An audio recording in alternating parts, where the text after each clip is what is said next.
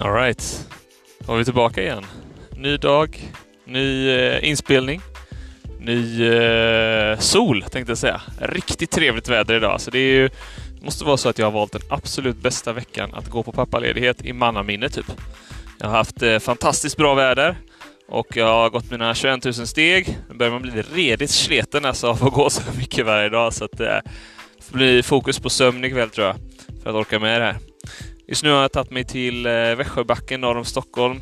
En liten eh, skidbacke, en av de fyra, mig veterligen fyra skidbackarna som finns i, eh, i Stockholm. Så jag står här med min lille grabb, han får en liten klämmis. Och min äldsta dotter åker upp och ner, upp och ner, upp och ner. Allmänt mysigt, bara hänga i solen och götta. Sen gå in och köpa en kaffe här snart. Men eh, som jag utlovade så skulle det komma intervjuer i den här podden, eller hur? Och eh, idag så tänkte jag att vi skulle bjuda in första personen. Eh, en eh, god vän till mig som heter Gustav. Som... Eh, vi, ja, vi snackar om mycket när vi snackar. Eh, vi växte upp tillsammans. Och eh, idag så tror jag att vi kommer snacka lite om eh, Ukraina, Rys Ukraina Ryssland eh, och vad vi tror liksom kommer hända efter. Det var typ det jag sa igår. Men eh, det är sådana saker vi snackar om. Vi snackade väldigt mycket om eh, Corona, om vaccinpasset och om huruvida det var demokratiskt eller inte liksom att ha vaccinpass och så vidare. Så att, eh, ska vi se om tekniken funkar då. Första gången så testar vi att hoppa över till intervjun. Jag ska ringa upp Gus här. Ses snart. Hörs snart menar jag.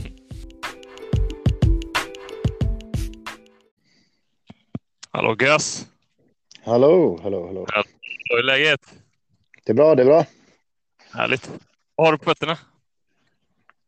Eh, barfota hemma. En eh, 21 000 steg inomhus då hemma blir tungt. Ja, det blir tungt. Det får, det får bli eh, en eftermiddagsambition. Det låter bra. Du är varmt välkommen till eh, 21 000 steg. Du är den första som vi eh, intervjuar här. Vi säger jag, du menar Royal We. Fan vad gott. Ja. Mm. Ah, Själv norr om Stockholm står vi en skidbacke här. Och du eh, göttar hemma. Ledig idag sa du att du var va? Yes, ledig idag. Vad Kan eh, införskaffa mig all eh, information om världsliga ting. Det Ja. gör man ju på dagarna nu när man är hemma. Så- Alltså jag, jag vet att du har haft YouTube Premium tidigare och jag funderar seriöst på att skaffa YouTube Premium nu för att kunna följa alla kanaler och alla nyhetskällor som, som finns där. Det eh, börjar bli riktigt irriterande tycker jag med alla den här reklamen som kommer in när man kollar på YouTube nu för att se de här indiska och ja, ryska också för den delen, alla nyhetskanalerna. Liksom. De trodde jag att jag stängde av med typ adblockers och annat back in the days. Så de trodde jag kunde bli av med. Men anledningen till att jag skaffade YouTube Premium, vilket jag fortfarande har vill jag säga. Det är för att då kan man stänga telefonen. Alltså man kan ju jag, skärmlåsa den helt enkelt och fortfarande ha YouTube. Så jag kan ju sätta på ett nyhetssegment på YouTube och sen stänga telefonen, lägga den i fickan och lyssna på innehållet. Även en podd, eh, även musik. Jag lyssnar. Jag lyssnar ju på YouTube 90 procent av min lyssningstid, alltså när jag går promenader, går till jobb och sånt. Då är det ju YouTube Mhm. och inte Spotify. Det är ju YouTube som är min. För där kan man hitta. Jag kan hitta schack. Eh, Schack! och, och, av schack. Ja, 90 procent av tiden eh, när jag är ute och går så lyssnar jag på schack på YouTube. Nej, jag, nej, nej, jag lyssnar ju på, men jag försökte lista grejer jag lyssnar på. Då lyssnar ju typ på olika poddar och nyheter och musik, men också typ schack och kanske lite tv-spels, liksom, eh, liksom. Om det släpps någon update så kommer det information om det, liksom. Det är massa Ja. grejer man lyssnar på. Så att eh, det jag använder det med bättre framgång än Spotify, i min mening. Du snackar upp YouTube helt enkelt. Ja, sen vet jag att det, såna, att det finns en memes om att man är virgin om man har YouTube Premium. Och det tror att jag stämmer. Ja, det är ju inte så många som har det, så som jag känner. Du är den enda, men jag kanske blir den andra då. Men eh, det där med att spela upp videos, det är väl bara att lägga mobilen med skärmen utåt i fickan och så stänger man fickan. Så, så, så rullar Ja. den i fickan. Det är för eh, the poor people. Soon to be Russians då kanske, eller vad tror du? Ja, exakt. YouTube Premium kommer kosta en månadslön i Ryssland om eh, en månad. Ja, det är, om det inte redan är det. Typ, typ en miljon rubel. Ja. YouTube Premium. Jag har lite dålig koll på växelkursen faktiskt, men eh, den har ju dykt som fan säger de ju. Ja, det, det, jag, jag, har ingen, jag har ingen koll heller, men jag vet att rubeln har dykt med 93 procent. Det säger mig inte så mycket. Jag vet inte vad den börjar på, men 93 procent av rysk ekonomi är dykt. Såg du inte det? det var, var lite, eller jag såg det i alla fall klipp när, de, när en rysk eh, ankare, alltså i, i nyhetssändning, öppnar en, en aha, alcoholic beverage. Jag vet inte om det var en öl eller eh, vodka. Jag kan inte ryska. Men han öppnade en spritflaska och började dricka alkohol på sändningstid. På, när de pratar ekonomi, ska jag säga tillägga. Han sitter och tjötar ekonomi och sen bara knäcker han en spritflaska. Liksom. Det låter ju det eh, låter som ett, eh, en månadslön som han drack upp där under nyhetssändningen. Nej, vi ska inte skämta om det här. Det är faktiskt sjukt synd om eh, vanliga hedliga ryska medborgare som, som drabbas hårt av en regerings ja. Eh, destruktiva kampanjer liksom. Jag pratade faktiskt med min sambo om exakt det i, uh, idag. Uh, det här med att de tog upp, mer, jag tror det var svensk nyheter, men de tog upp det att alltså Ryssland går ut och säger att ja, men det är hemskt det de gör mot ryska sportsutövare och liksom företag och att, de, att världen vänder ryggen mot rysk, den ryska personen om man säger.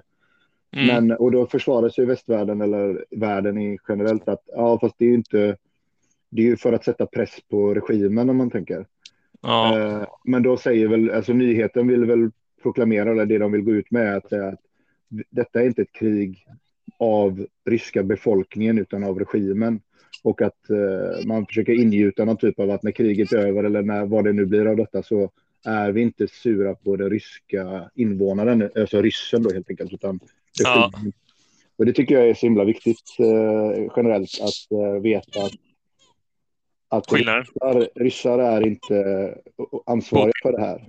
Ja, det är Putin. ryssar är inte Putin. Putin är ryss. ja, exakt. Ja, det, det är väl bra så här. Ja, Nej, men att... Men, eh, om, eh, om du kommer ihåg, eh, var det Fidel Castro? Nej, eller om det var Che Guevara som sa för Che Guevara höll ju ett tal här på X år sedan tänkte jag, jag vet inte när det var riktigt, men typ 30 mm. år sedan eller någonting, höll ett tal i FN. Och då sa han det att han berömde den amerikanska befolkningen och dess medborgare för att de var så driftiga och jobbade så hårt liksom för att USA har alltid haft en hög produktivitetstakt liksom, i sina fabriker jämfört med, med andra länder. Kanske inte bäst i världen på något sätt, men ändå hög produktivitetstakt. Che Guevara, jag tror det var Che Guevara eller om det var Fidel Castro. Putin som också. berömde liksom den amerikanska befolkningen, men sa tvärtom. Men för det gäller för er regering så har jag ingenting bra att säga. Typ. Nej, det var lite det imperialistiska som han avskydde då. Det, men, ja, och det är viktigt då att, att det är kul att höra att även de gamla dängorna, Castro och Che, kunde skilja från folk och men eh, Putin har gått ut och sagt att, att de är väldigt driftiga i USA. Han, han har ju pratat gott om USA tidigare vill jag säga. Men det kan inte mm. vara Nej, men det är, det är som sagt hård, hård press på, på vanliga hedliga ryssar också. Liksom. Eh, sen så vet jag inte vad som är bäst. Liksom. Vad ska man göra? Ska man bomba Ryssland? Det blir ännu värre för ryssar då. Liksom. Så att jag vet inte. Nej, men jag, jag, tänker... bra väg framåt här, men det kanske är den minst dåliga vägen att sanktionera. Liksom. Men jag tänker så här. Jag tänker så här. Um, att alltså det, om man får se, man får liksom så här, okej, okay, uh, Ryssland sätter ju press på Ukraina att inte gå med i NATO och EU och det gör de genom att bomba deras befolkning. Det är en helt annan grej, för befolkningen i Ukraina är också demokratisk. De har ju röstat fram det här och vill ju det här. De, de bombar en befolkning som vill till NATO och EU, typ, om man säger, till, till 3 procent innan kriget och kanske till 90 procent nu då. Men, men eh, och det vi gör, de här sanktionerna vi gör mot ryssen, det är ju för att sätta press på en regim då. Och sen hur mm. demokratiskt det. Alltså, vi vet ju inte den röstningssiffran och att de kanske fortfarande vill vara med i värmen då. Den, alltså, internationella värmen och vara med i sporter och få inte sin ekonomi förstörd med sanktioner. Och då säger jag, då, det, min, det jag vilar på då i mitt samvete, om man säger som västerlänning, det är så att ja, men de förstör ju, ryssen förstör ju ukrainska liv. De bombar ju sönder hem och människor. Alltså dödar dem fysiskt med, med, med militär och fysisk makt eller utövande. Det vi gör är att förstöra ekonomi och förstör deras liksom, sport, sportsliga sammanhang, om man säger. När mm. över och Ryssland får vara med i sport igen, då, är det, då kommer de in, om de är hemma och övar sin sport, så kan de, är de oför, situationen är oförändrad när de får vara med igen. Och ekonomin kan de bygga upp igen. De tar ingen fysisk och permanent skada om man säger. Alltså, ekonomiskt kanske permanent skada, absolut. Men det, alltså, jag tycker det är ett ganska humant sätt att föra krig, det här sanktions, eh, ekonomiska sanktionskriget. Jag, jag, jag, jag, är glad över att det, att det ser ut att det är ett ekonomiskt krig vi för, alltså i västvärlden då, inte i Sverige kanske, men än den här och ett uteslutande krig vi för snarare än det här bombkriget som Ryssland väljer att köra. Ja, men, men för att utmana lite där, vad du säger är permanent, det går vi att diskutera, alltså hur, hur permanent det är. Men om vi kollar på Ryssland som är ett, ett enormt stort land liksom, eh, som är rikt på mineraler och, och, resurser och människor och hela köret. Va? Eh, har en e ekonomi som typ ett litet I, europeiskt land. Liksom. Italien. I, alltså, Italien, precis. Som inte heller känns som det starkaste ekonomiska landet i Europa. Men, men om du tänker så, jag menar varför är det så? Ja, men det är väl liksom ett efterspel på grund av eh, andra världskriget, eller egentligen allting från Sovjettiden. Att det, det inte har varit... Den invasionen. Eller vad, vad sa du nu? Att, detta var ett, att den här invasionen var ett efterspel från andra världskriget? Nej, nej, nej, nej. Nej, jag menar bara att det tar tid att bygga upp en ekonomi. Så att om vi kraschar, om väst kraschar en eh. Rysslands ekonomi, så jag menar, det är inte så att de kommer komma ikapp anytime soon liksom. Så att det blir också lite permanent på så sätt att det liksom, det kommer vara år okay, men, 2100 innan de är ikapp liksom, de europeiska länderna igen. okay, men då, då, då, säger, då, vill jag, då, då, då tänker jag så här att absolut, vi förstör ju ganska mycket ekonomi i Ryssland. Men, men Ryssland är ju i dagsläget också en, en diktatur, diktaturstat. Där oligarker och rysk och Putin får, jag vet inte vilken procentsats av inkomsten av landets liksom, handel, men stora, del, stora delen. Så att, ja. att om vi bryter denna diktaturen, om vi lyckas med det efter kriget, då kommer rysk befolkning och ryska landet må mycket bättre på ganska kort sikt för att den inte dräneras ekonomiskt av en regim. Alltså, så att, så att, alltså jag, det, där, jag, det där går att diskutera, liksom, om det där verkligen skulle ha den effekten. Okej okay då, men jag säger så här då. Jag, jag, jag, jag, jag skiter fullständigt om Ryssland, om hur, så som Ryssland ser ut idag, så skiter jag mm. fullständigt mm. om deras ekonomi går i, i botten. För att jag vill inte, jag vill inte göda en diktatur som är, som är beredda att ställa kärnvapen på gränsen till Europa. Alltså då, då ser jag hellre att det om den befolkningen inte kan revoltera mot den eh, regimen och den regimen sitter på sin plats och tjänar miljoners miljarders och, ställer, och använder de pengarna till att ställa kärnvapen på gränsen till Europa, då säger jag fine, förstör ekonomin. Alltså det... Kina då? De har ingen kärnvapenhot direkt eh, mot eh, Europa, men det är också en diktatur. Ja. Och de har högt stark ekonomi. De har ju typ så hittat ett nytt sätt som är bättre än kapitalismen. Typ. Diktaturisk ja, kapitalism. Och det var liksom det som Trump försökte få in också, typ att vara totalitär eh, kapitalism istället för att ha en öppen kapitalism som eh, USA och eh, väst har. Ja, men, Man visar ja. att det är ett ännu mer effektivt sätt att eh, bygga ett lands ekonomi. Ja, jag förstår. Men jag är inte så... Jag är inte så jag är faktiskt inte lika orolig för att, Rys eller för att Kina skulle vara lika krigisk och militärisk som, som Ryssland är. Eh, en, en sak som jag, som jag funderar mycket på när det kommer till diktaturer eller den typen av statsskick som Kina och Ryssland är, är jag tror att det finns vissa, vissa länder som måste ha en diktatur. Alltså, om man, jag ska förklara när, när vi lever i vårt privilegierade liv med våra iPhones och bilar och liksom så rikt som vi lever i Europa. Ja. Ja. Vi pratar mycket om jämställdhet och då pratar vi om jämställdhet främst i landet. Uh, uh, vi, pratar, uh, vi pratar om jämställdhet här, alltså inte, inte globalt helt enkelt. Vi tar inte ansvar mm. för slavarna i Kina eller Afrika eller någon andra världsdelar för den delen. Nej, nej. Om vi, om vi pratar om, om första och andra rankens medborgare då, säger vi då, i kommunikation. Mm. Då är vi då är, då är vi inte fine med att ha ett första och andra rankens medborgare i Sverige. För vi har råd med det. Men i Kina till exempel med 1,4 miljarder invånare och nej, jag måste börja med en annan sak. Jo, att om det hade varit jämställt, ekonomiskt jämställt mellan alla människor i världen, då hade, då hade vi fått ta bort otroligt stor del av vår ekonomi. Och vi hade inte, alltså Europa hade inte funkat längre. Det hade blivit revolution. Det hade liksom inte, vi hade inte kunnat bilar. Vi hade inte kunnat haft det, liksom, de länderna vi har. Och den, det är inget man kan göra på en natt liksom. Nej, det går inte. Det går inte.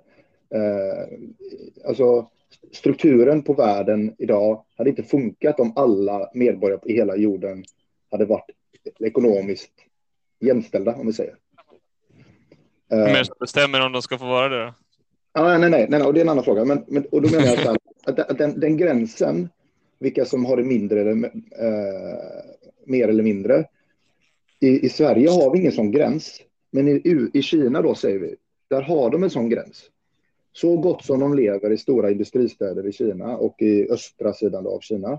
Där är de så rika och de är eh, vana med så mycket förnödenheter och bilar. Och de är vana vid ett visst leverne. I västra Kina mm. med bönderna, de, de är inte vana vid det. Så i Kina så är det en liksom skiftning. Den här skiftningen mellan ett rikt land och ett fattigt land, i och u-land om man vill säga. Den går mitt i landet liksom. Så att ha en demokrati i ett sånt stort land. Jag är inte någon statsvetare, så jag vet inte. Men när jag med min amatörmässiga syn ser på det landet så säger jag, hur ska de kunna ha en demokrati när landet är så splittrat i ekonomiskt privilegie? Alltså hur, hur ska ett land på 1,4 miljarder människor kunna ha en demokrati, e, enat land, demokrati där det är jämställt i landet? Jag tror inte det går. Och hur gör man då om ett land inte kan vara enat och ha en jämställd, alltså jämställdhet? Skulle då bönderna på västflanken säga så här, ah, nej, men det är nog bättre att ni, eh, ni får mer pengar än oss för ni är ändå industristäder och liksom... nej, om det, blir, om det blir full demokrati i Kina så går inte det. Jag tror inte det går. Alltså, och det är såklart ett problem som, som någon ekonom, ekonom eller statsvetare har, kanske har en lösning på. Men där jag ser det på min amatörmässiga liksom, Svensson-nivå så är det bara, jag förstår att det är, jag, jag, jag, tycker inte om det, men jag förstår att det är en diktatur. För jag ser inte hur en demokrati skulle funka i landet. Mm.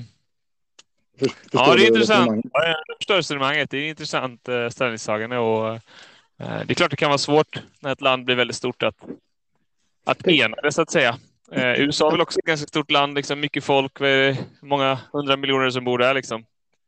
350 jo. miljoner sådär, jag vet inte. Men och Nigeria är väl också så här, typ så 200 miljoner eller någonting.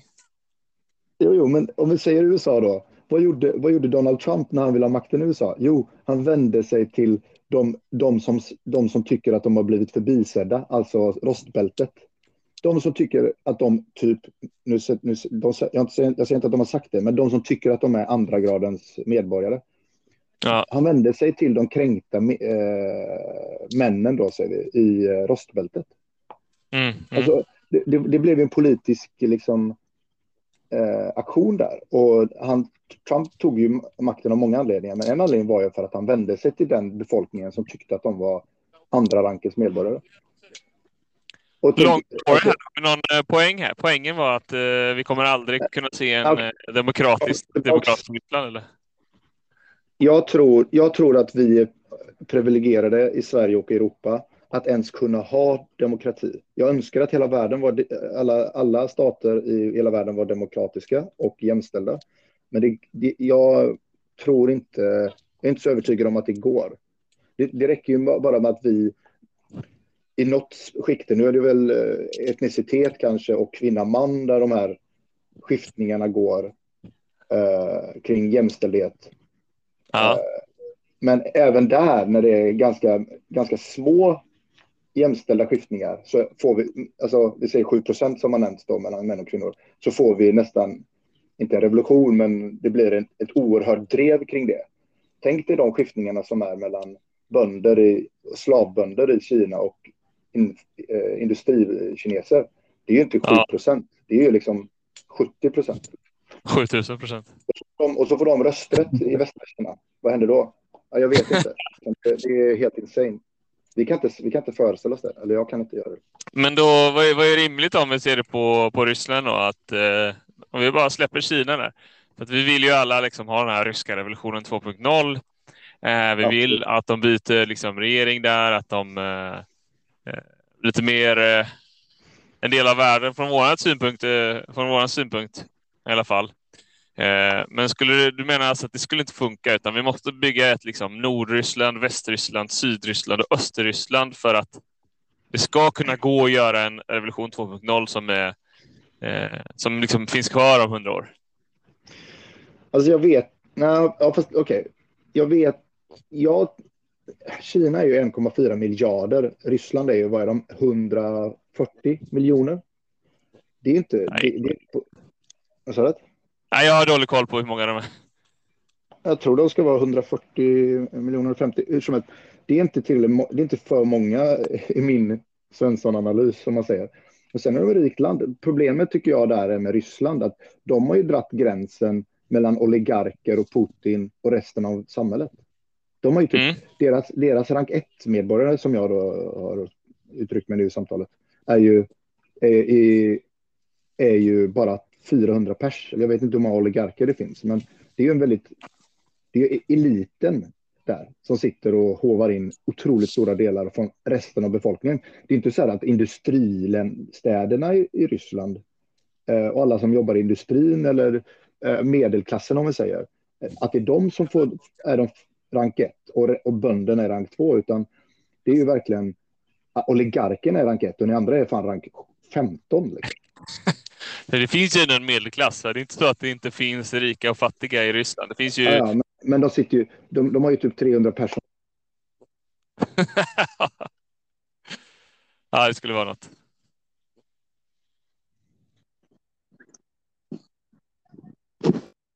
Jag tappade dig tror jag, Gus. Är du kvar? Vad tog du vägen? Ja, det var uh, internetlagg. Eller så är appen inte optimerad.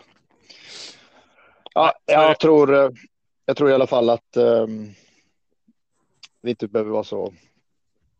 Vi pratade om uh, Ryssland och jag tror att det går absolut att ha demokrati i Ryssland. Det är min förhoppning i alla fall. Ja, man får väl hoppas så att det blir uh, någonting vettigt av det. Eller? Ja, vi slipper, vi slipper atombomber vid gränsen till Europa.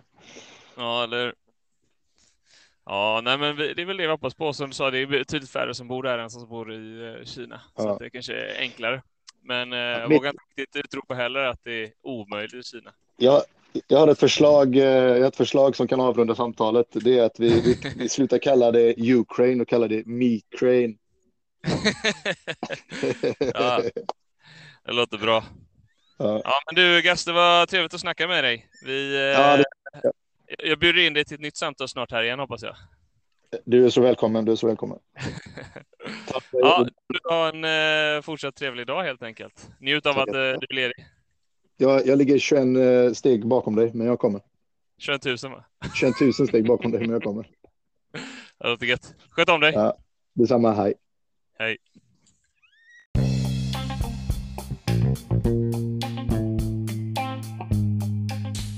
Alright, det var allt för den här gången. Hoppas att ni eh, gillade att höra när jag eh, snackade med Gus och hans faktiskt eh, intressanta åsikter och tankar på varför Kina aldrig kan bli en demokrati, men Ryssland kan bli det. Jag tyckte det var väldigt kul att snacka med honom. Jag tyckte det var väldigt intressant. Håller ni med honom? Håller ni inte med honom? Hör av er. Anchor.fm slash 21 000 steg. Eller på Instagram, 21 000 steg. Vi säger så. Ha det fint nu så hörs vi snart igen.